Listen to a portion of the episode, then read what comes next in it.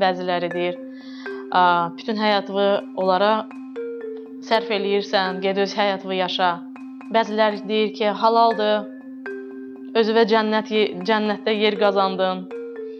Belə sözlərə çox ə, rast gəlirəm.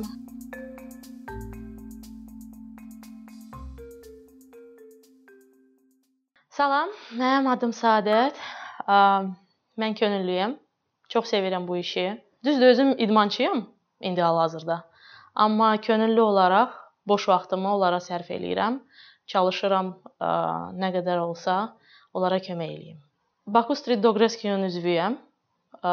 Bu balaca bir təşkilatdır. Onun içində mən könüllüyəm. Öz itlərim də var, pişiklərim də var evimdə. 30-a yaxın pişiyim var. Onların yanından keçmək mümkün deyil. Küçədə görürəmsə, sağlam pişik olsa düzdür, mən sadəcə yemləyirəm. Sığal çəkirəm, oynadıram, çalışıram sevgimi onlara bəxş eləyim.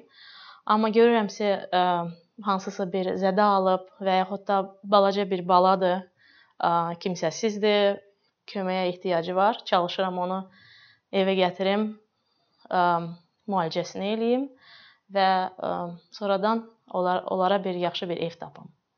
Düzdür, çətindir. Ə, fərqi yoxdur, pişikdir, itdir.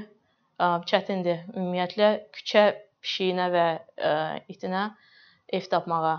Çünki bizdə parodaya üstünlük verirlər, cinsi itlərə üstünlük verirlər. Mən məsəl üçün küçədə keçəndə özümü saxlayıram pişiyin, itin yanında, çalışıram onlarla danışım. İnsanlarımız da onu görsün ki, itlər belə məxluqdur ki, insanlarımız onlardan çox qorxur. Və iti görəndə onlar hələ bilirlər ki, it qapacaq, it cumacaq, it parçalayacaq. Və uşaqlarına belə tərbiyə verirlər. Getmə səni parçalayacaq, getmə səni yeyəcək və yaxud da Uşaq özünü pis ə, aparanda deyirlər ki, bax özünü pis aparsan, mən səni itə yedizdirəcəm. Bu cümlə məni ümumiyyətlə öldürür. Mən çalışıram onu dayandırım və yaxınlaşıram o itə, başlayıram onunla danışmağa mülayim səslə. Çünki onlar onlar sözləri başa düşmürlər. Heyvanlar ə, səsi başa düşürlər. Onlar görürlər ki, sən onunla mülayim danışırsan. Quyruqlarını yellədirlər. Ə, başlayırlar body language olur onlarda. Sən gözlərindən hiss olunur ki, onlar mehriban bağışlayırlar sənə, mehribançılığı. Və mən başlayıram o bunun dilini başa salmağa insanlara ki, bu heyvandır, düzdür, amma siz gərək uşaqlarınıza düz tərbiyə verəsiniz ki, yaxınlaşın itə. Deyin ki, bax necə gözəl itdir. Gəlin onu sığal çəkək, gəlin onu ə, yemləyək. Deyirəm siz niyə başlayırsınız onu ə, başqa cürə rəftar eləməyə? Necə siz ona rəftar eləyirsiniz, o da sizə elə rəftar olacaq. Siz əks halda eləyin bu hərəkəti. Sığal çəkin, sığal çəkməyin, yaxşı. Eləsi var deyir ki, irgənirəm, əl, əl deyə bilmirəm. Oldu, problem yoxdur. Yemlə, nəsə al, ver, bir çörək dilimi ver. O da sənə bax gör necə göstərəcək özünü. Və bu ə, problemlərə çox rastlaşıram çalışıram hansısa bir küçüyü görürəmsə, ona ehtiyac var, götürürəm sığınacağa, saxlayırıq orada. Çox vaxtı evə də gətirirəm, hətta küçükləri. Bu son illər ərzində mən çox evimə də gətirmişəm, evimdə baxmışam, sonra sahibləndirmişəm. Çalışırıq biz qrupla çalışırıq onları xarici ölkələrə də göndərək, çünki burada onlara ehtiyac yoxdur. Çox heyf ki, necə mən dedim, artıq cinsi itlərə, pişiklərə üstünlük verirlər, nəinki bizim küçə heyvanlarımıza. Çox heyf olsun. Bəli. Öz vaxtımı da çalışıram nə qədər çox olsa, düzdür işləyirəm, düzdür. Evimdə o qədər heyvan var ki, onları gərək mən saxlayım, pul qazanım, amma boş vaxtlarımı çox sərf eləyirəm onlara.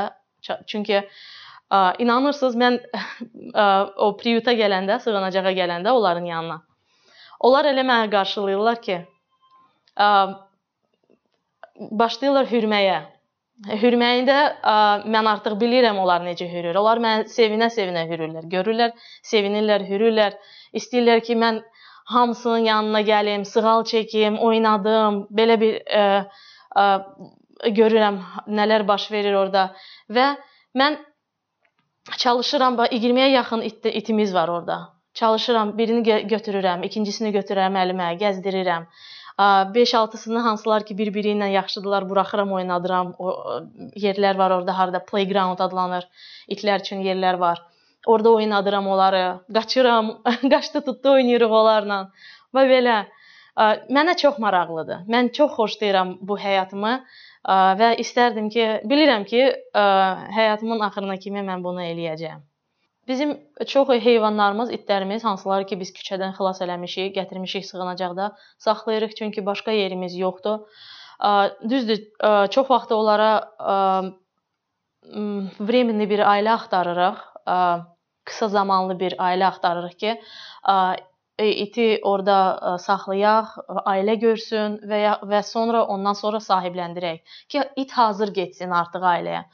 Bunlar çox çətindir və Ümumiyyətlə priютda çox vaxtı qalırlar və hamısı gözləyir ki, onları gəlib sahibləndirsinlər.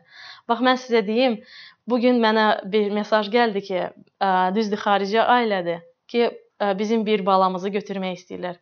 Az qalmışdı mən avtobusdaydım, gəlirdim. Bura gəlirdim. Az qalmışdı patoloqa kimi hoppanım ki, bizim çuyumuz gedir. Şükür Allaha. Bir ildir bu yazıq oturub sığınacaqda. İnanırsınız, hətta ağladım. Çünki elə ə, ürəyim, qəlbim elə sevinir. Ə, da slyoz. Ə, və ə, sığınacaq elə yerdir ki, mən sizə deyim ki, 4 divardır da. Təsəvvür eləyin ki, ə, elə bil ə, qəfəsdir. Düzdür, onlar orada yemləyirlər, onların arxası ilə təmizləyirlər, hər şey eləyirlər. Amma ə, işçilər tərəfindən nə sığal var, nə bir şey var. Mən könüllü kimi həftədə 2 dəfə, həftədə 3 dəfə baxır, haçan mənim vaxtım olur. Mən gəlirəm onlara bu vaxtımı sərf eləyirəm. Öz sevgimi bağışlayıram və mən onların yanına gələndə onlar sevinə-sevinə məni qarşılayır. Amma mən oradan çıxanda hardasa 2-3 saat mən orada qala bilirəm də, çox çox vaxtım olmur, boş vaxtım olmur. Və mən oradan çıxanda inanırsınız, birinci məni sevinib ə, ə, hürürlər, amma görürəm də kanallarda, şeydə, kan, ə, valyerlərdə otururlar. Görürəm ki, necə onlar həsrət-həsrət mənə baxırlar. Nə səsləri çıxır, nə bir şey, nə quyruqlarını yellədirlər. Bilirlər ki, mən artıq onları tərk eləyirəm və mən onlara sözlər deyirəm həmişə. Bye guys. See you tomorrow. Deməli, ə, biz onları ingilis dilində çalışırıq öyrədək ki, çünki onlar çox vaxtı xaricə gedirlər. Mən onlara deyirəm ki, sağ olun uşaqlar, mən sabah bir də qayıdacağam. Mən çox vaxtı ə, hər cürə sözlərə də rast gəlirəm. Küçədə ə, və yaxud da insan hansılar ki, məni bilir ə, və yaxud da tanımır məni. Ə, mənə bəzi bəzi bəzi deyir ki, sən dəlisən, bəziləri deyir, ə, bütün həyatını onlara sərf eləyirsən, get öz həyatını yaşa. Bəziləri deyir ki, halaldır, özünə cənnət cənnətdə yer qazandın. Belə sözlərə çox ə, rast gəlirəm. Ə, mən də çalışıram onlara ə, bir nümunə olum ki, düzdür, könüllülük biraz çətin işdir. Ə, harda? Ə, çünki sən ə, çalışırsan ə, heyvanlara gözəl bir həyat bağışlayasan. Azərbaycanda bu bir bu bir böyük problemdir. Bizim ölkəmizdə cins ə, paroda heyvanlara üstünlük verirlər. Və ə, məndən həmişə soruşurlar ki, axı niyə küçədən yığırsan sən? Get özünə bir dənə parodalı it al da. Bax məsəl üçün məndəki iki məndə 2 dənə itim var. Düzdür, ə, mənim böyük ə, oğlanım ə, parodalı çıxdı, amma mən onu küçədən xilas eləmişəm. O yolu sadəcə keçirdi, balaca küçük idi. Ə, düzdür Valkadav çıxdı. Çox iri itdi, amma mən onsuz da onu evdə saxlayıram. O birisi də qızdı, adı Beldi. O da kiçik bir it idi. Onu da mən balaca südəmər bir bala tapmışdım. Özüm onu yedizdirə-yedizdirə böyütdüm və indi hal-hazırda 2 dənə itim var və 30-a yaxın pişiyim var. Vot. Mənə deyirlər ki, sən niyə onları yığırsan? Get özünə bir qəşəng pulla it və yaxud da pişik al. Mən də onlara həmişə deyirəm ki, həyata heç alarlar. Həyata almaq almaq olmaz heç vaxt. Çünki onlar mənim üçün həyatdır. Onlar mənim üçün sadəcə pişiklər və itlər deyil. Onlar mənim üçün mən məsəl üçün qız da, oğlan da da itlər məndə. Mən onlara, onlara deyirəm doça, sına. Çünki onlar mənim balalarımdır. Onlar da bilirlər ki, Bel bilir ki, o doçadır.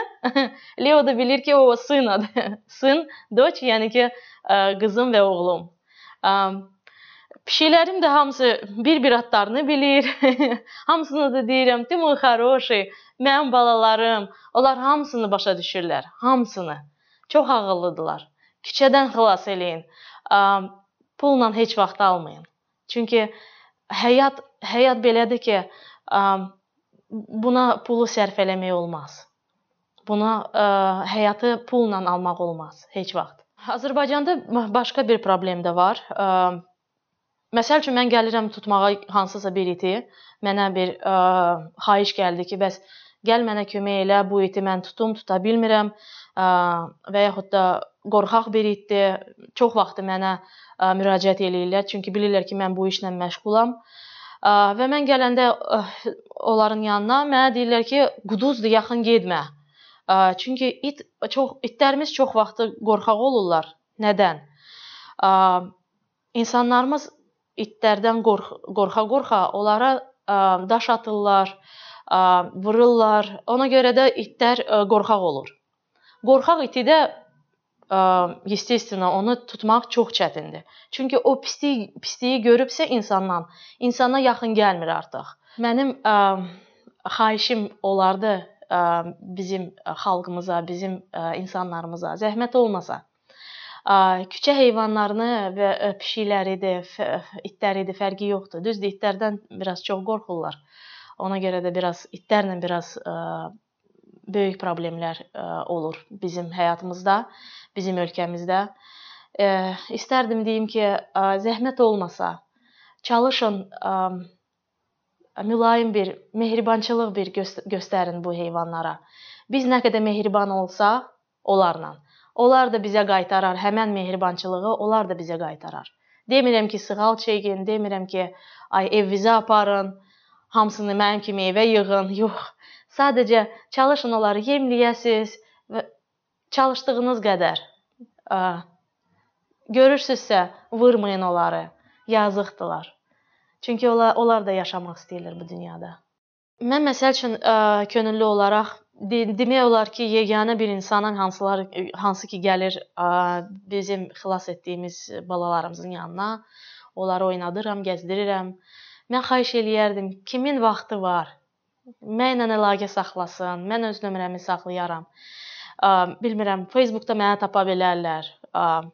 Gəlsinlər, itlərlə vaxt keçirsinlər. Çünki onlarla elə gözəl vaxt keçirmək olar. Sadəcə gezdirsinlər. Onlardan heç nə istəmirik day. Heç nə lazım deyil. Sadəcə onların bax 1 saatı, boş vaxtı gəlsin. Çünki məndən başqa heç, heç kimi görmürlər onlar. Düzdür, məni xoş sevinirlər, görürlər, oppanırlar, sevinirlər. Amma bir adam, cəmi bir adam 20 itə çox azdır. Könüllü olaraq kimsə gəlsin, bizlə vaxt keçirsin, oynatsın. Çox mehriban itlərdir hamısı.